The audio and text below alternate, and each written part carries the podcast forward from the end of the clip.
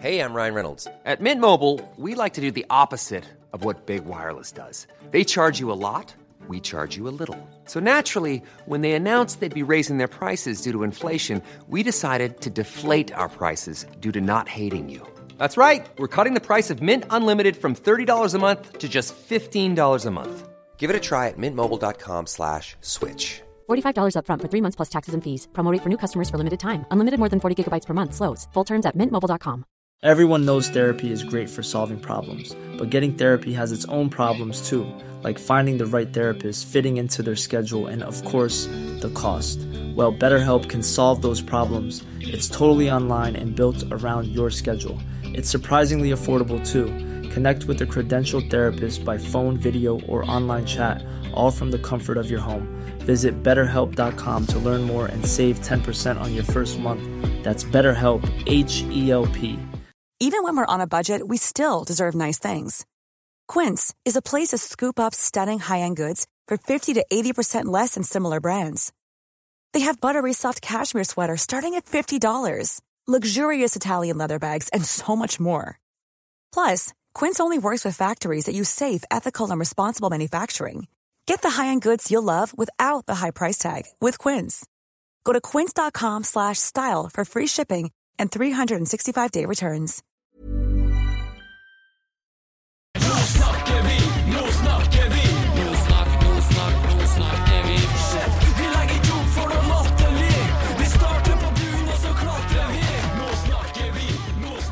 Og nå snakker vi igjen, Kristine Helene. Hei! Hei, hei.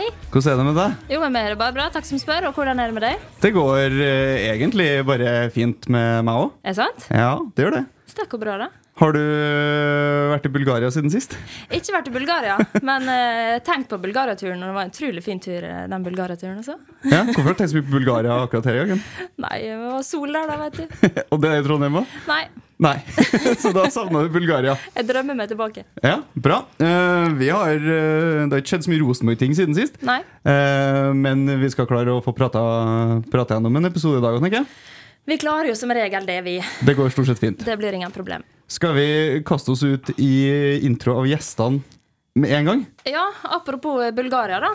Det var noe fint at du tok opp det, siden vi, eh, hun jeg var med i Bulgaria her. Helt tilfeldig. Uten å avsløre hvem det er før introen er ferdig. For alle de som ikke fulgte med på Insta. All right. Hun er født i 1994, eller som ungdommene ville sagt, 94, og har fylt hele 29 år. Hun har fått hele 231 kamper for Trondheimsøren slash Rosenborg. Og denne målmaskina her bruker opp all kruttet på trening, for hun har enn så lenge bare ett mål i toppserien. Men herlighet, det er ikke bare bare å produsere mål på så kort tid. Hun har tross alt bare spilt i toppserien i elleve år. Hun har både spilt på Jente 19 og U23, og har overraskende nok null mål der også. I Stavanger Aftenblad sier hun følgende Jeg er ingen egoist, men tenker på alle rundt meg. Det er, det er aldri slik at jeg tenker bare meg, meg. For en helgen vi har med oss her. Mange kjenner henne som den som trikser litt utafor Nidarosdomen. Andre kjenner henne som kaptein for Rosenborg. Ta vel imot kaptein med liten K. Spiller nummer tre, Malin Næss! Tusen takk, Leila. Jeg var veldig spent på den her. Ja, er du fornøyd? Ja. Følte at jeg liksom traff, traff på deg som person. Altså, når jeg har sagt det i Aftenbladet Nei, det var Veit ikke. Jeg bare så, det var den eneste avisa som ikke hadde sånn jeg måtte logge meg inn. okay. Så der tok jeg den. Men vi har jo en eh, gjest til. Vi har det. Hun er også født i 1994, men hun har ikke fylt 29 år ennå. Vel å merke. Hun har hele 233 kamper i toppserien, både for Kattem og Trondheimsøren slash Rosenborg. Hun står med 14 mål. 13 mål mer enn Mari Næss, altså. Hun har vært innom jente 16, 17 og 19. Så bestemte hun seg for noen år siden at hun skulle få et barn, og ble mor til verdens beste Mikkel. Og etter det har hun kommet tilbake på utrolig kort tid og ble tatt ut på sin første A-landssamling. Hun er utdanna bioingeniør, stemmer det? Nei. Oh, nei. Hva er utdannelsen din? eh, Kjemisk prosess. Eh, Ja. Kjemisk ja. eh. Eh, hun er klart å balansere fotballjobben, den den voksenjobben.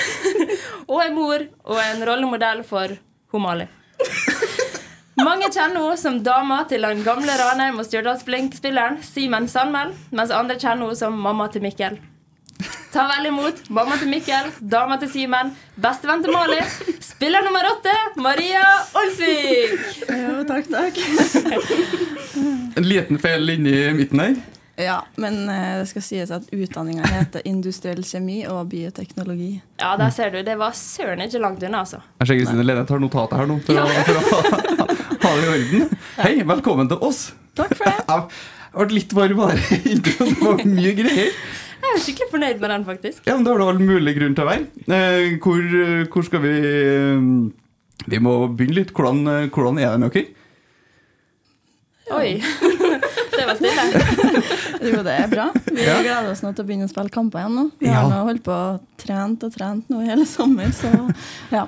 Det ser fram til det på onsdag. Så etter en liten utsatt-runde nå, så er vi klar for cuprunde mot Stabæk.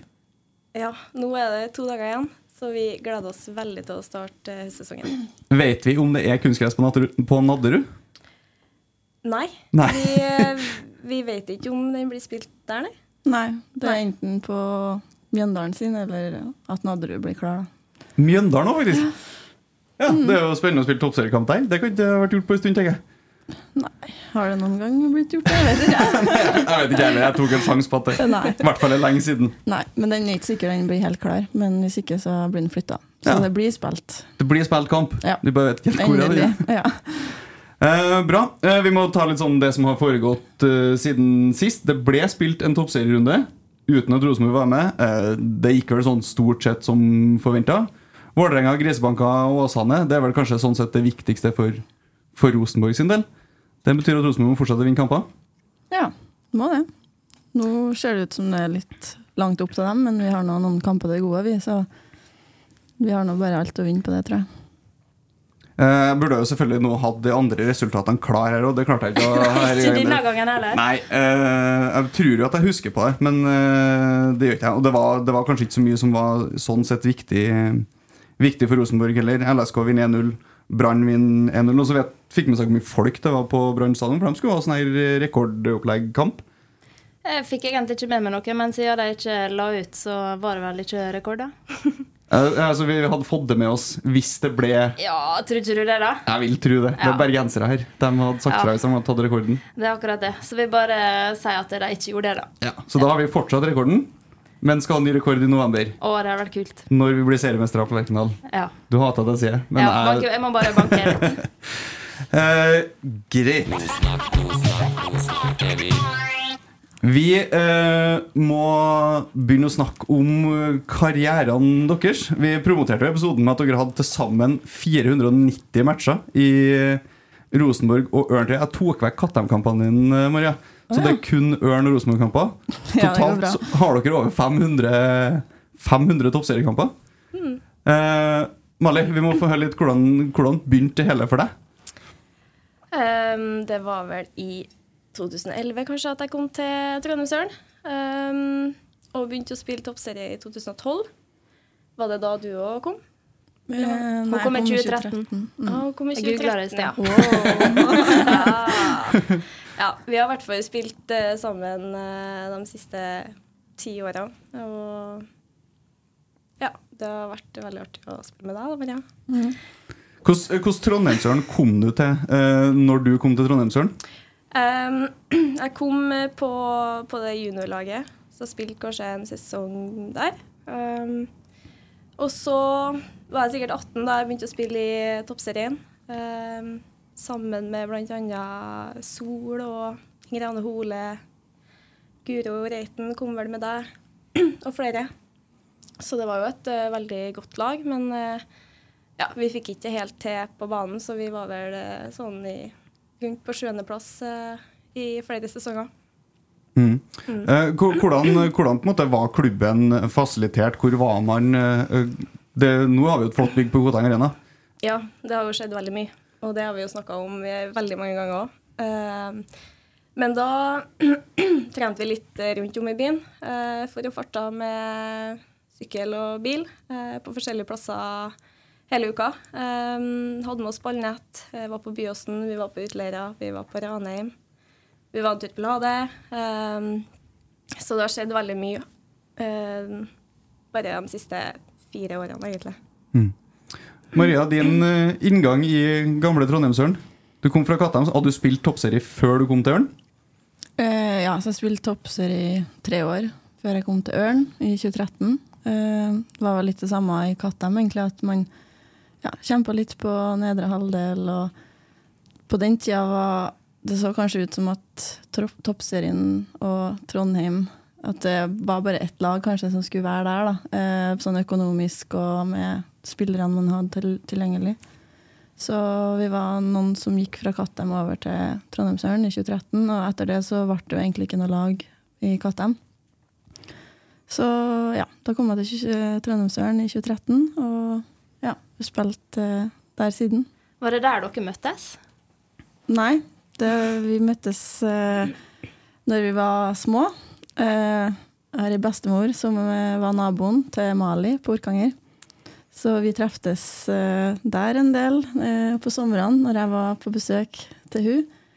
Og ja, spilte uh, mye fotball i hagen til Mali, og voksen gård, husker jeg, og mata kaniner og hoppa på trampolina. Og, ja, så vi var egentlig barndomsvenner, men vi var ikke veldig mye sammen i den tida, men ja, fant jo tilbake vennskapet igjen når man begynte å spille i lag da, i 2013. Har det, har det alltid vært eh, fotball, eller har dere drevet med andre ting også? Um, jeg har spilt håndball, og det jeg spilte vel helt til jeg var 19. Mm. Mm. Maria? Ja, håndball her òg. Men Ja. jeg ga meg når jeg var 14, tror jeg. For det var ja, et Malvik-lag som satsa tungt både på håndball og fotball, og følte jeg måtte begynne å ta et valg, for det var så mange arenaer å, å bedrive idrett på. Så um, da ble det ja, at jeg tok det valget. Og så gikk jeg jo til Kattem da når jeg var 15, så ja. Så det ble liksom at jeg måtte begynne å bestemme. da. Mm. Eh, Lene sa jo i introen her eh, masse aldersbestemte landskamper på, på begge to, egentlig. Hvordan har på en måte den, den reisa gjennom landslagskjøret til NFF også vært? Dere som har vært inn der? Um, jeg starta på Jenter 19 og var med på det meste. Ja, sikkert alle samlinger på Jenter 19, ja. Uh, og det samme på U23. Uh, ikke vært på noe A-landslag. Um, men det er veldig fint å ha fått de landskampene som jeg har, da. Og veldig artig å spille mot, eh, mot god motstand. Mm. Maria, fikk du landskamp, eller var det på landslagssamling på A-landslaget? Ja, jeg kom, kom ikke inn på de kampene som var. Vi spilte mot Polen og Portugal. da. Men da er det A-landslagssamling? Ja. Hvordan er A-landslagssamling for oss som ikke har vært på det? Ja, hva skal en si? Det er noe veldig likt som når vi er på samling med Rosenborg, egentlig. Men det var jo litt strenge koronaregler og sånn, så vi bodde jo på rom alene. Og vi var ikke så veldig mye sammen sånn ellers. Og vi var litt sånn bestemte bord man måtte sitte på. og litt sånn da, Så det var jo kanskje litt negativt for min del med å bli kjent med gruppa sånn ordentlig. For du ble veldig godt kjent med det bordet du satt på. og så...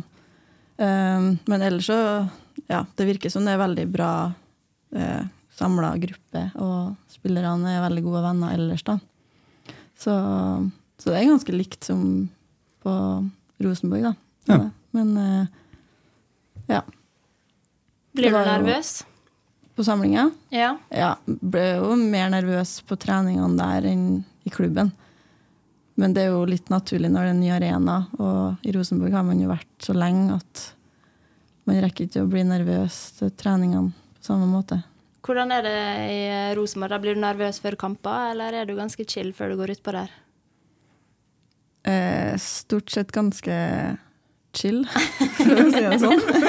Men, men de større kampene så kjenner man jo på en måte på spenninga, og det er alltid litt spenning der, fordi det betyr noen ting. Og gjøre det bra og ja, prestere på laget, da. Eh, så man er litt spent.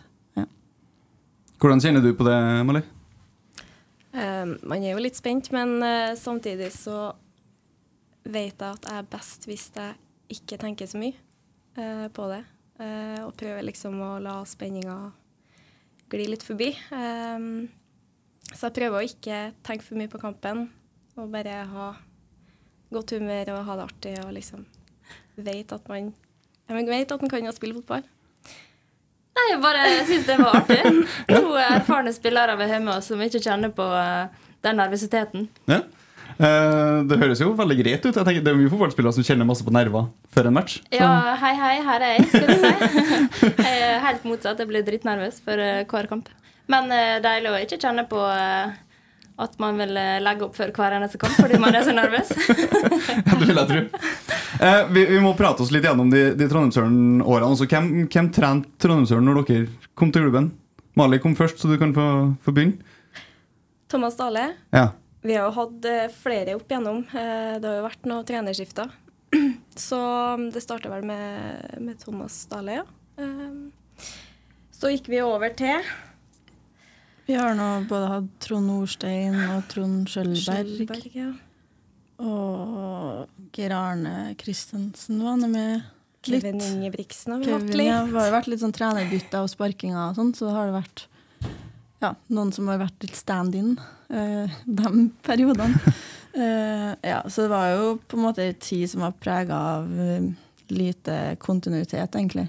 Hvordan preger det gruppe? Hvordan blir, blir man prega av kall det mye trenerbytter? da?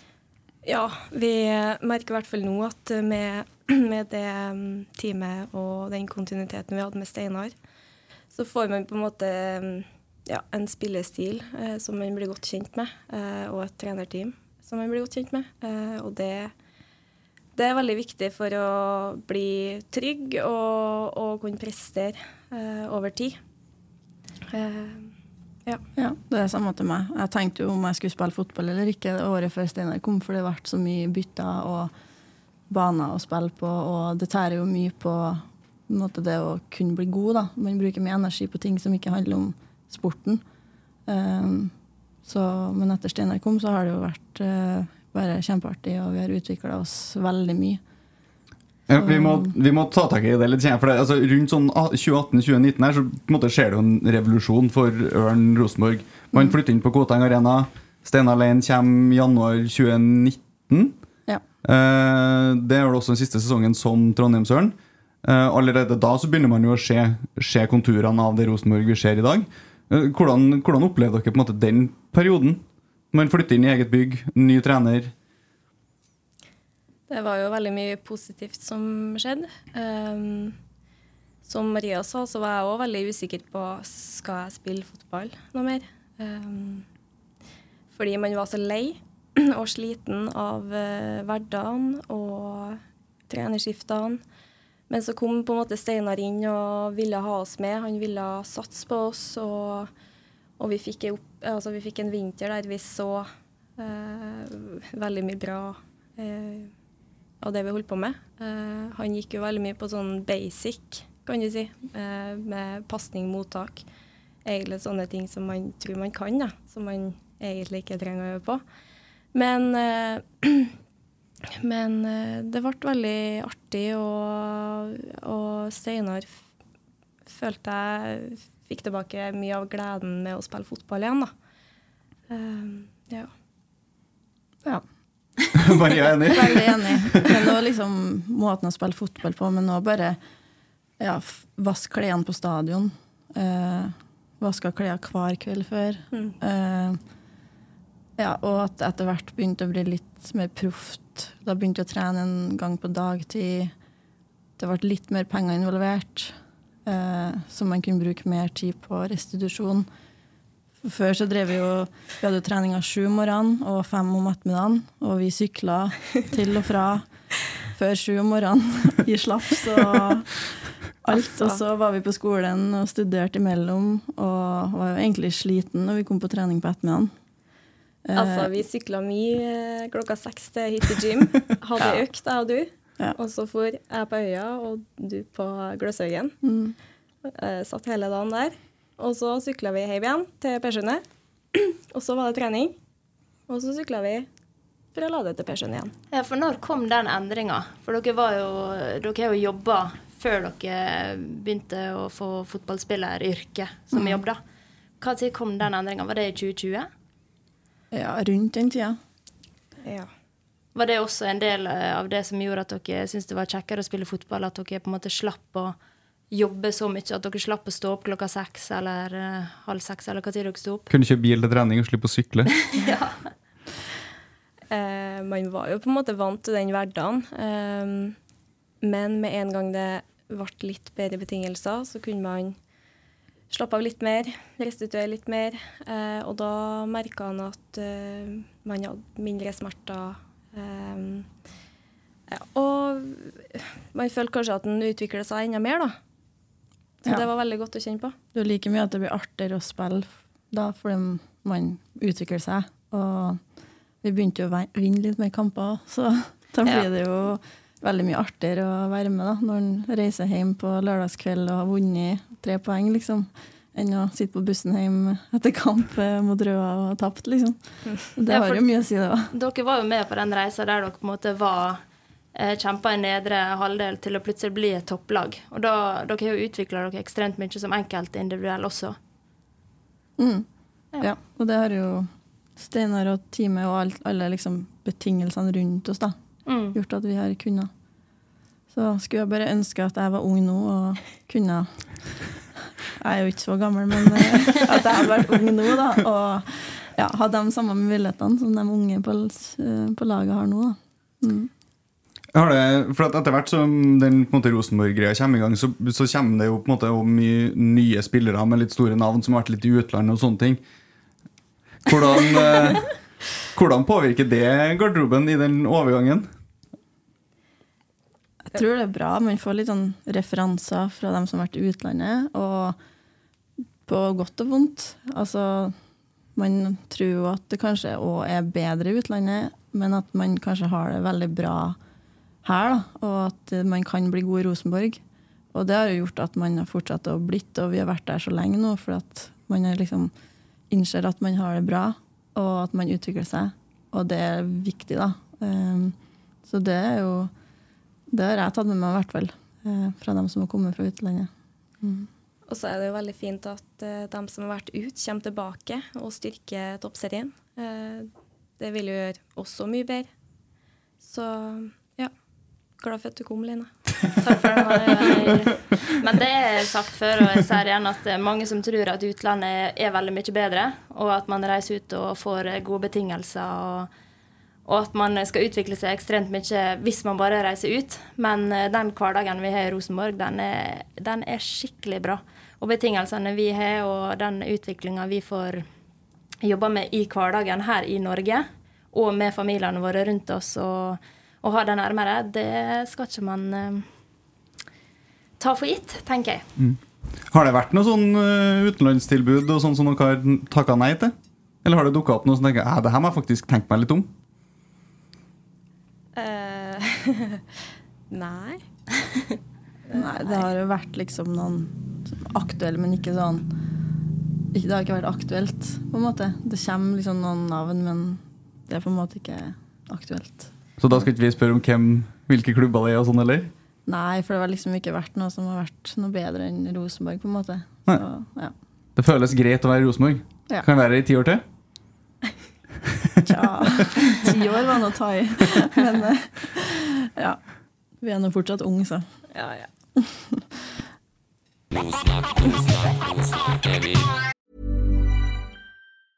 Hey, it's Danny Pellegrino from Everything Iconic. Ready to upgrade your style game without blowing your budget? Check out Quince. They've got all the good stuff shirts and polos, activewear, and fine leather goods, all at 50 to 80% less than other high end brands.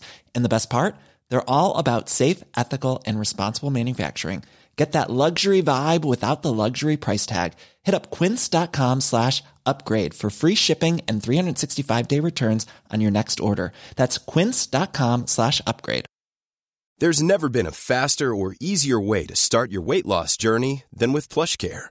PlushCare accepts most insurance plans and gives you online access to board-certified physicians who can prescribe FDA-approved weight loss medications like Wigovi and Zepbound for those who qualify. Take charge of your health and speak with a board-certified physician about a weight loss plan that's right for you. Get started today at plushcare.com slash weight loss. That's plushcare.com slash weight loss. plushcare.com slash weight loss. Everyone knows therapy is great for solving problems, but getting therapy has its own problems too, like finding the right therapist, fitting into their schedule, and of course, the cost. Well, BetterHelp can solve those problems. It's totally online and built around your schedule. It's surprisingly affordable too. Connect with a credentialed therapist by phone, video, or online chat, all from the comfort of your home.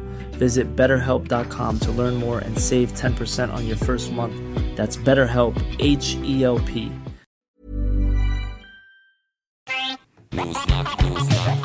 Eh, vi har eh, fått inn en del eh, lytterspørsmål til dere i dag. Så altså, er det noen som absolutt skal være anonym, og som jeg, jeg har en mistanke om at skal prøve å sette dere ut litt. Så vi, vi må bare begynne. Eh, Trollungene i Oslo eh, har stilt inn spørsmål. Jeg skal si litt mer om dem etterpå, for jeg snakka med dem siden forrige episode. Eh, men hvordan endra Mali kampinngang og tilnærming til spillet da hun ble kaptein? Oi. Ja.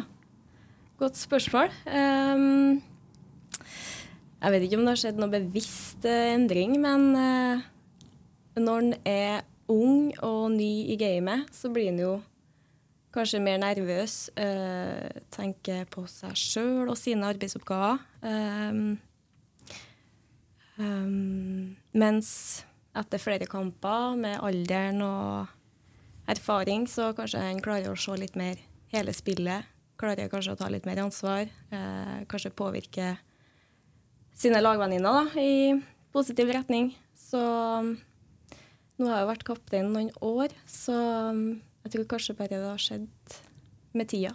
At man tar mer ansvar på det Ja, jeg tror det. Og jeg, jeg husker jo når i 2013, når jeg kom, da Mali sa ingenting. ingenting. Men nå er jeg en av dem som snakker mest på banen, så det har jo skjedd veldig mye, da. Så Hvordan er Mali som kaptein? da?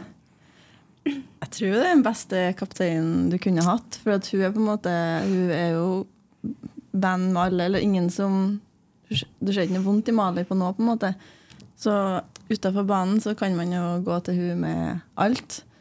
Og det tror jeg er viktig. Og hun er også en som utøver det trenerne ønsker. Eh, Det er viktig for trenerne. Eh, Ja, og så, ja, som hun sier, hun er ikke så nervøs når hun går ut i kamp, så hun er liksom en trygg klippe da, på banen. Ja. Tusen takk. det Var nesten litt mye bortpå Ja, det var litt mye. Hvor lenge har du vært kaptein, egentlig? Um, jeg har jo vært eh, kaptein under Steinar, som kom i 2019, ja. Uh, også før det så hadde vi et kapteinsteam uh, med meg og bl.a. Cess. Eh, så ja, jeg har jo vært kaptein noen år, da, men jeg tør ikke å si eh, hvor mange. ja, det var det under Tom også, men ja, hvor mange år, det vet ikke jeg, nei. Nei. Så det starta vel med visekaptein, og så hadde vi et kapteinsteam, og så ble man kaptein. Neste spørsmål, anonym. Stemmer det, Kristian? Ja, jeg tror det. Spørsmål til Mali og Maria, altså gjestene våre i podden. Hvem er favorittartistene deres, og hvorfor er det Åge og Bjarne? Det er jo, det er jo fordi vi, når vi var unge i Trondheimsørngarderoben, så hørte vi jo litt på litt trøndermusikk. da. Eh, Så vi er vokst opp med det. Og ja, det og Åge. og at det er liksom viktig for å få opp stemninga i garderoben. Eh, Men det gjengen som er med nå, de er overhodet ikke interessert i trøndermusikk. Så hvis vi skal foreslå noe sangforslag, da, så er det nå de sangene vi sier, da. Eh, og det er jo litt eh, ja, forskrekkelse for eh, unge jenter på laget. Selv om de er trøndere? Ja. Ja. Mm, de, er, de er ikke vant, tror jeg. Nei, de er ikke vant. Men Så- da tar kapteinen ansvar? Ja. Så hun danser ikke noe, men hun har noen forslag på sang, i hvert fall. Ja. Ja. Og så ei lita utfordring til dere begge. Mali, kan du fortelle noe Kari ikke vet om deg? Altså mor di. Hva vet mor di ikke om deg? Altså Hvem har sendt inn det spørsmålet? Nei, det er anonymt. Hæ? Det er sikkert veldig mye hun ikke vet om meg, men da er jo sikkert eh, noe som dere ikke vet òg, som ikke skal sies. Kanskje Maria kan Hæ? fortelle oss det? Nei, jeg vet ikke hva dere sikter til. Nei. Vi sikter ikke til nå. Nei, Vi har fått inn eh, spørsmålene. Jeg lurer veldig på hvem som har sagt det der. Ja, men det skal ikke du bry deg om. Takk. Nei, ok. Men, eh, men jeg, jeg har ikke noe godt svar. Nei, nei. Så vi kjenner meg sikkert veldig godt. Da går vi videre til Maria. Fortell noe vi ikke vet om deg. Oi. Oi, det var mer oi. Nei da. Nei, jeg vet ikke hva jeg skal si. Det, det hun ikke vet, det kan jo egentlig ikke sies her, tror jeg. Så, Det knaller du utfordringer du som får på pod, tenker jeg. Ja, det er egentlig det. Men dere det liksom for å- ødelegger imaget vårt, Oh, ja. sier. Ja. Ja, for dere er et veldig bra image. ja, vi passer jo på å si de riktige tingene ja, i media. Og, Er dere veldig bevisst det? Nei, men det er jo, Jo, kan, det er vi jo. Før kamp, da, hvis det er på TV-en, så kan jo vi snakke om ja, hva skal du si i pausen, liksom. For det er jo bare sånn standardting. Det er jo sånn Ikke si noe dumt, liksom. I pausen på NRK eller noe sånt, så det kan jo bare snakke om det før kampen. Men det vi egentlig hører, vi vil jo høre noe dumt. Det er jo det som er gøy. Er det noen som har sagt noe dumt på TV-en i pausen eller før kamp? eller sånn? Nei, vi er jo ikke noe dumme, vi. Nei, det var ikke det jeg sikta til. Det er jo du, Mali. Du er jo mer eh, på TV i pausen, da. Men uh, jeg tror du sier det som er oppskriftsmessig riktig å si. Ja. Da er vi flinke til å oppføre oss. Ja, Det er det som er så gøy, fordi de som kjenner Mali, i hvert fall, fra TV og media, de tror at hun er skikkelig eh, Skikkelig jente. Jeg skulle til, og det er hun òg. Men eh, hun er veldig artig i garderoben og utenfor. Men hun blir veldig skikkelig med en gang hun får en mikrofon eller et kamera putta på seg. Ja. Det er synd at du har en mikrofon her, Jeg vet det, så jeg prøver å gi litt sånn tegn til Kom an! Vær litt uh, livlig, da. Mathilde Harviken lurer på hvem av dere som er best til å stagedive. Nei, det er sikkert meg. Jeg vet ikke, Det- Gjorde det du òg? Har du prøvd det? Vi har vel prøvd det begge to, Ja. men du var veldig god da, på den eh, boturen Vi var, på, ja, vi var på botur i året. Og så var det noen som fant på at uh, her skal vi begynne stagedives fra bordet. jeg vet ikke hvem som kom opp med den ideen, men uh, ja, stoler nå på dem eh, man har på laget sitt. da. Så, Ja, for det var laget som skulle ta imot. Ja, det var så da står alle på laget og tar imot, da, så da satser Ja. man jo alt man har ut fra bordkanten, og så håper man at man kan stole på dem man har på lag. Kan man stole på Så- dem man har på lag? Ja, man kan det. Ja, man kan det. Ja, så det er noen som filmer samtidig, da, så vi Og så må man jo si at det var litt alkohol inne i bildet her, da, sånn at uh, Det Det var ikke gjennomtenkt. Så det er ikke noe å drive med sånn hver dag. Nei, absolutt Nei, ikke. det var den ene gangen. Men nei, vi gjorde det jo når vi var i Gdansk òg. Da fortsatte vi. Så det er blitt en sånn greie når vi er på fest. Ja, Botur, så blir det stagediving. ja det blir det. Ja. Det det, liksom, begynte, det begynte liksom med at laget ville Maria skulle stagedive, og så endte det opp med at Maria ville stagedive og laget måtte ta imot. Ja, så var det bare. ja. Ble alle nå, nå gjør alle det på, lagfest. Det er sånn slags rituale som alle må gjennom på botur. Ja. Ja, Spennende. Ellen Sørum lurer på hvem på laget jukser mest. Oi. Altså, det var jo det veldig Det vanskelig- Nei, Det er ingen som lurer på det. Nei, det, var et veldig vanskelig spørsmål. Nei, det var det For det er jo så mange gode kandidater. Nei. Ja, vi kan ikke begynne å ramse opp det. Hvem er topp top tre juksere? Oi, eh, altså Elin som sender inn, er jo Ja. veldig på jukseren. Eh, og så Maria, du er jo litt lur, da. Ja, Man må jo snike til seg de fordelene man kan få. Ja, man må jo det. Men eh, det er jo sånn for eksempel, hvis det er konkurranse på trening, og så skal du for eksempel putte fargene på kjeglene i riktig rekkefølge, og så skal du spurte og hente en ting. Så hvis det er blå, gul, grønn, så kan jo Mali bare putte hvilken som helst rekkefølge, og så bare springe. For at Trenerne ser jo ikke på hvilken rekkefølge du putter, de ser jo bare hvem som kommer først. Så, så man må jo liksom bare lure systemet der man kan, da. Men er det egentlig juksing, da? Hvis, det, hvis man lurer systemet? Det er noen reglene som er for dårlige, da, tenker jeg. Ja. Eller at de ikke følger med. Ja. Um, ja. Nei, så svaret er jo sikkert Mali. Mali. Og Mali teller alltid når vi spiller noe som heter Feinor. Da skal du telle antall pasninger da, du har. Og så er det sånn, sånn som bare i dag. da, Sess bare jeg var på sju, men Mali talte nå ti. Liksom. Så, ja. ja, så du, du vet jo aldri om hun har hoppa over en pasning eller ikke. Nei, men det trenger ikke å være med vilje, da. Nei da. Hun skylder på det. vet du. Å, jeg visste ikke det. Hun vet veldig godt hva hun driver med. Og så er Ja. kaptein, men kanskje ingen som tør å ta på det, eller? Det var derfor jeg sa kaptein med liten K. Ja. Eh, Skal vi se, Trollungene i Oslo lurer på forskjellen på å spille i Rosenborg Ørn. Vi har jo snakka litt om det. Men er det liksom en av ting som på en måte virkelig står seg ut som forskjellen? Det er vel eh, profesjonaliseringa, da. Det ble jo det. Ja. Og så er det jo litt sånn Hvis jeg er hjemme i gata, og da kan jo noen unger komme og springe og 'Spiller du på Rosenborg?' Men det var ingen som gjorde det når han spilte i Ørn. Eh, Så det er flere som vet om det nå. da. Så der tror jeg merkevaren Rosenborg har veldig mye å si da, eh, for at unge jenter og gutter skal ja, se oss. Og selvfølgelig har jo media mye å si òg, da. Eh, At det kommer ut i media. eh, Men det, det merker jeg stor forskjell på. Ja. Det er mye kjendismas på deg, Mali. Nei, jeg kan ikke si det, men man merker stor forskjell, ja. Så mm. Vi må, vi må jo ta, for at vi har jo den desidert største kjendisen i rommet her. For jeg, jeg satt jo bare og scrolla på TV2 Sporten her om dagen. Og, og der dukka det opp eh, et kjent ansikt som på, på, det var TV2 har laga TV2 Proff, heter det. Som er en sånn ny sånn toppseriegreie. Man kan visst chatte med spillere og sånn òg. Eh, der dukka Kristine Leine opp. Gikk til kamp mot nettroll. Ja vel, gjorde det?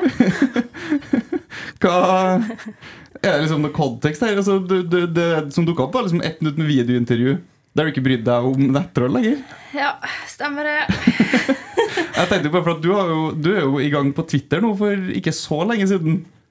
Ja, altså i gang og gang. Jeg har jo ikke vært der siden 2014 eller noe sånt, tror jeg. Og så fikk jeg med meg at det er veldig mange som skriver kommentarer på Twitter, så da får jeg gå inn og kikke litt, da. Ja, Og da Men, du på nettrollene med en gang? Nei, jeg gjorde vel egentlig ikke det. Men uh, du skal vel frem til noe med det her? Nei, uh, jeg kan jo bare ta det. Jeg jo- sendte deg jo en Twitter-tråd for tre-fire dager siden igjen. Som jeg er litt usikker på om det har skjedd. Nei, det har nok ikke sett. Nei. TV2 Proff, eh, eh, er dere med? Kristine vet jo åpenbart er med der. Men hva vet dere liksom mer hva det går ut på? Man kunne chatte med spillere. Så jeg. Ja, det skal vel legges ut litt eh, innhold om oss eh, i toppserien. Um, og så kan vi chatte med enkelte spillere. Ja. Så unge jenter kan få lov til det. Ja, eh, kan man chatte med dere, liksom? Altså, sitter, har dere en greie på telefonen der dere får spørsmål? Uh, ja, vi kan logge oss inn, og da er vi vel tilgjengelige. Uh, vi har jo ikke starta med det her helt ennå, da. Okay. så det er ganske nytt. Men veldig Jo, eller, det var jo spennende. Helga var det jo en runde siden vi ikke spiller kamp. Ja. Så da, var liksom, da kunne du sett med Rosenborg-spillerne mens de andre toppseriekampene pågikk. Ja. For eksempel.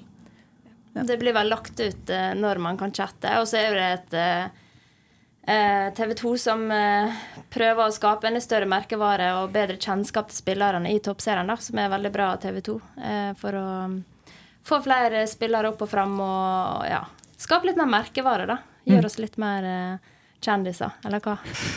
Det er jo drømmen. Det, det er virkelig den store drømmen. Bli kjendis. Ja. Nei, men Da må vi oppfordre folk om å inn og, inn og chatte med spillerne her, da. ja, det er kult. det. Plutselig så møter jeg på eh, Mali og Maria der. Eh, vi har noen flere lyttspørsmål som vi må, um, må gjennom. Vi kan ta fra Jeanette Koien først. Hva er målet for høstsesongen? Skal vi si det i lag? Nei, høstsesongen. Høstsesongen. Nei, det er noe Det er å vinne alle kampene. Ja. Det er det. Og hvis man vinner alle kampene, så Så håper vi at det ender med gull. Hvis vi vinner alle, så ender det med gull. Iskaldt bra. Marie Åsvik. Herregud, vinner jo bare alle kampene, så er det jo da. Hvor vanskelig kan det være? Ja, det, sånn er det. Sånn er det. Ja. Uh, Kjetil Eie stiller spørsmål. Uh, eh, hvordan var treningshverdagen deres som unge talent? 12-13-14-årsalderen? Var det mye hospitering til eldre lag, eh, trening, kamper med guttelag, kretslag, landslag, egentrening osv.? Eh, skal jeg begynne? um, jeg spilte både fotball og håndball, så um, sammen med min tvilling og på guttelag. Så um, det var vel fotballøkt først, eh, og så hadde man ofte håndballøkt eh, litt senere på kvelden. Um, så det gikk veldig i fotball og håndball. Eh, var ikke på noe aldersbestemt eh, landslag, men eh, i tillegg til det her da, så var det jo mye eh, skadeforebyggende trening. eh, og veldig mye leik sammen med kompiser da, på banen. Mm. Ja. Maria? Det er egentlig veldig likt. Det var liksom ofte håndballtrening rett etter skolen. Og så når den var ferdig, så sprang vi ned på kunstgresset, og da var fotballtrening. Eh, så sånn var det egentlig hver dag når man var 13-14. Eh, og så hospiterte man med noen guttelag og trente med dem. Og så var det kanskje to-tre kamper i uka, så det var jo nok, på en måte. Og det er jo det, tror jeg, på en måte litt av clouet, å finne ut hvilke arenaer man skal være på, for det kan bli for mye, da. Og jeg tror det er mange som er, kjenner på litt skader, og man hadde jo litt sånn småvondter da òg. Så det var mye trening. Eh, det er ikke alltid mye eh, bra. Eh, en eh, ja, kvalitet, da. Så, men uansett, når man er ung, så er det lurt å bare holde på, holde på mye og ha det artig med det, da. Ja. Så veldig lik hverdag som Mali, tror jeg, selv om ikke vi trener sammen i den perioden. Mm. Eh, Spørsmål til Maria. Hvordan klarer du å organisere livet som toppidrettsutøver og mamma i tillegg til jobb i det normale arbeidsliv? Ja. Og så sier hun at hun er mektig imponert. Han som stiller spørsmålet. Eh, Det er vi òg. Ja. Eh, nei, det er, noe, det er jo veldig mye planlegging, da. Så det er jo liksom derfor vi, vi er ganske sent ute med å komme på podkast, tror jeg. For jeg har sagt vi må planlegge før vi kan komme. Uh, ja, så det er jo liksom opp mellom seks og sju om morgenen og levere i barnehage. Og så trener vi klokka elleve. Eh, som regel så bruker jeg jobb et par timer for trening. Eh, og så noen ganger ja, må jeg dra på jobb etter trening òg, og så henter jeg barnehagen klokka fire. Eh, så er det ikke Det er jo ikke avslapping før sju når han har lagt seg, så det er jo veldig intensivt. Eh, forskjellig fra å bare tenke på seg sjøl. Eh, men det hadde ikke gått an uten alle jeg har rundt meg, både samboere og familie. Og heldig som har både svigerfamilie og familie i Trøndelag, eh, så de hjelper veldig mye. Eh, for vi er jo borte hver helg eh, på kamp. Og ja, de ukedagene. Så er jeg jo ikke alene om det. Så da går det. Og det å bli mamma har jo egentlig bare berika det å spille fotball og ha med seg han på opplevelsene jeg har. Så føler jeg egentlig at det gir mer enn at det er slitsomt. Ja. Ja, jeg tenkte jeg skulle spørre hvordan var det å bli mamma som fotballspiller, men det svarer du egentlig, egentlig veldig fint på. ja. Så egentlig så har det vært bare artigere å spille fotball etter jeg har vært mamma. Så ja. Eh, eh, Maria får et siste spørsmål. Når skal du begynne å spille for Vålerenga? Og så står det 'ta med Mali' også. Sånn at vedkommende kan begynne å bytte tilbake til sitt egentlige favorittlag igjen. Ja, det er et godt spørsmål. Vi må nå, bytte. Nei, det er jo, hvis Vi må nå bytte klubb samtidig, i hvert fall hvis en skal bytte klubb. Nei, men vi kan ikke jo spille Jeg jeg er av Vålerenga. Ja, Ja, Vi skal i hvert fall ikke spille for Vålerenga. Ah, fytti Det var det riktige svaret. Ja. Jeg, tenker, jeg lurer jo på hvordan det skal gå når de skal på Lerkendal i november, her nå, for de tåler jo ikke gress. Altså Så mye styr som de skulle lage for det gresskampen i vår. Og nå, eh, det, men det kan jo at det siste seriekamp, så det er siste gang de bruker drakten sin. Og de tåler litt grønns... Jeg orker ikke det Vålerenga-greiene. Jeg er så dritlei. Da får heller Brann bli seriemester, hvis jeg må velge mellom dem to. Det, da ble jeg irritert, sier jeg. Det var ikke Jeg tror det er liksom forskjell å heie på damelaget og herrelaget, og da ønsker man vel at begge alle favorittene er på samme, samme laget. ja. ja. Kanskje med Vålerenga hvis herrelaget rykker ned. Det kommer på noe, for det kan jo faktisk skje. ja, herrelaget til Rosenborg kan jo drikke ned. Så. Nei. Åh, nå, skal vi bli, så, nå får vi masse hate på Twitter. Så jeg orker ikke det. Um, eh, nå tar jeg, det er egentlig sendt inn spørsmål til oss direkte, men jeg tar bare outen jeg. Ja. For jeg har vært her. Det er Elias Koppen som Ja. er i gang igjen. ja, han lurer på hvem er Mikkel sin favorittspiller? Nei, det er mamma og Mali. Vi har sånne fotballkort, og han skal bare ha fra mamma og Mali. ja. Koselig. ja, Mali er jo fadderen hans, da. Så Ja, ja. Da har han lagt inn ekstra innsats for at den skal bli likt, tror jeg. ja riktig. Ja. Det er jo litt gøy med Mikkel, da, for han er jo på hver, eh, hver heimekamp og kommer i garderoben etter kampen. og må jo si at Han gir jo sikkert mye glede til deg, Maria, men uh, han gir veldig mye glede til resten av laget òg. Ja. Og så har han Elias et spørsmål til Mali også. For han lurer på hva om noe savner Mali mest med hjerteavdelinga. Og så sier han PS skal hilse fra Rune Mo. Oi! Her må du greie ut og forklare litt, Oi, oi, for oss som ikke skjønner det samme som Elias forstår. Ja, ja, ja.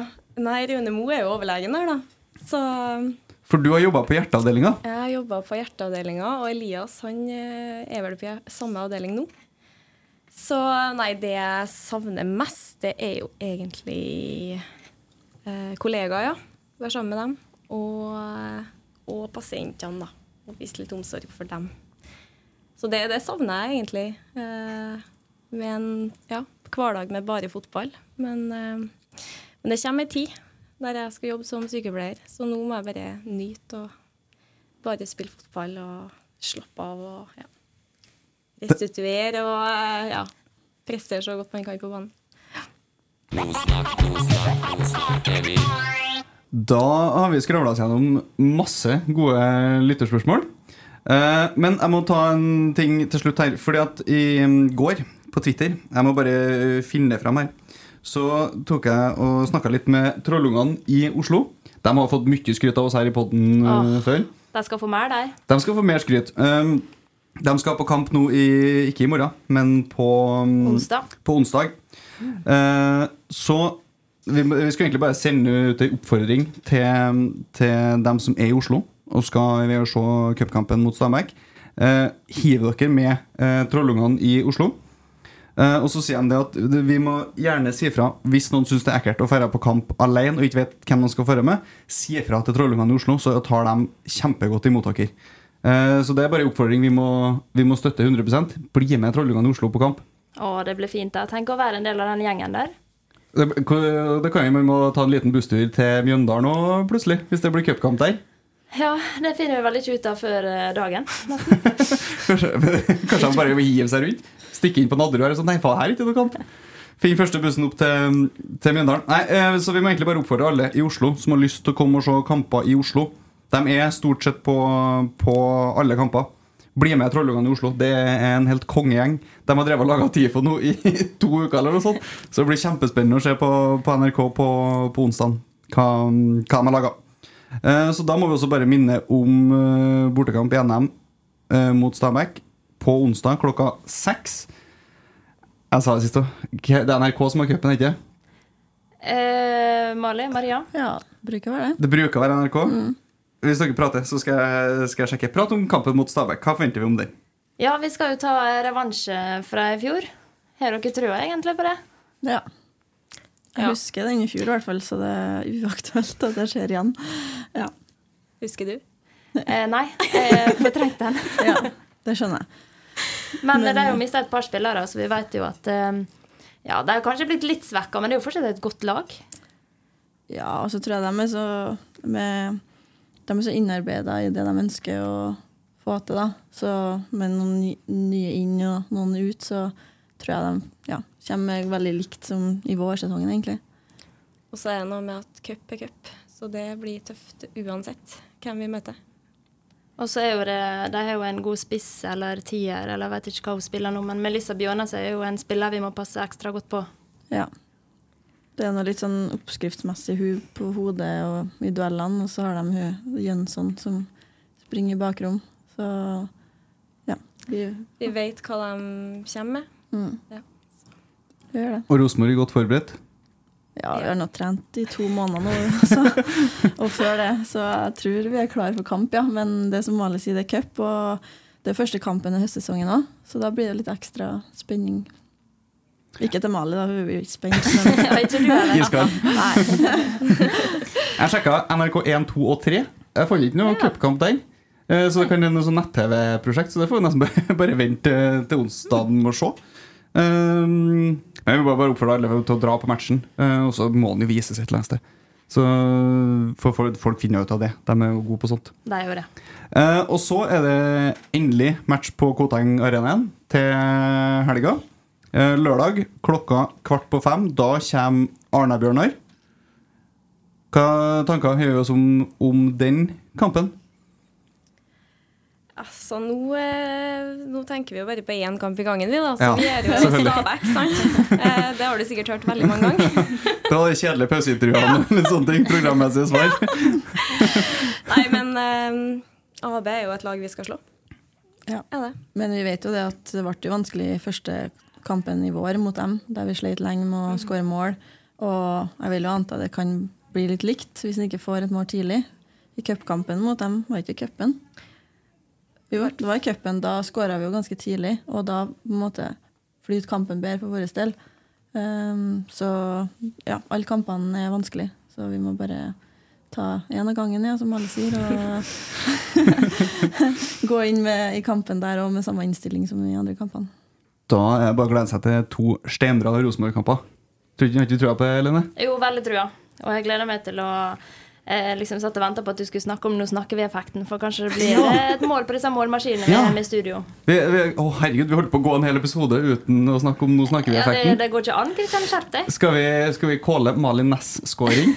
Nei, det blir Ja, det blir det uka her. Uka her blir det Malin Næss-scoring. Vi snakka om det i garderoben i dag etter du har vært i studio, så blir det mål. Ja, det var bra å begynne på. Nå snakker vi-effekten, for den hadde jeg glemt. Eh, Malin Næss, Maria Olsvik, tusen takk for at dere eh, hadde lyst til å sitte og prate eh, fotball med oss. Takk for at vi kom. Um, Kristine Lene, skal du eh, avslutte også dagens episode med noen velvalgte ord? Ja, jeg kan jo prøve. Har du en uh, autotune til meg? Eh, jeg tror det. Vi kjører.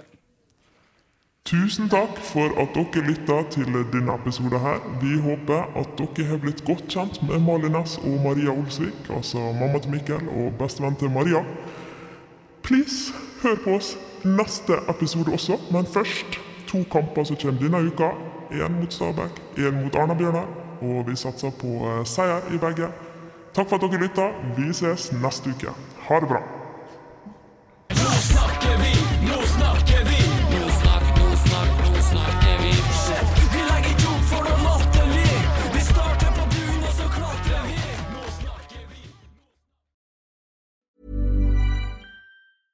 Planning for your next trip? Elevate your travel style with Quince. Quince has all the jet setting essentials you'll want for your next getaway, like European linen, premium luggage options, buttery soft Italian leather bags, and so much more. And is all priced at 50 to 80% less than similar brands. Plus, Quince only works with factories that use safe and ethical manufacturing practices.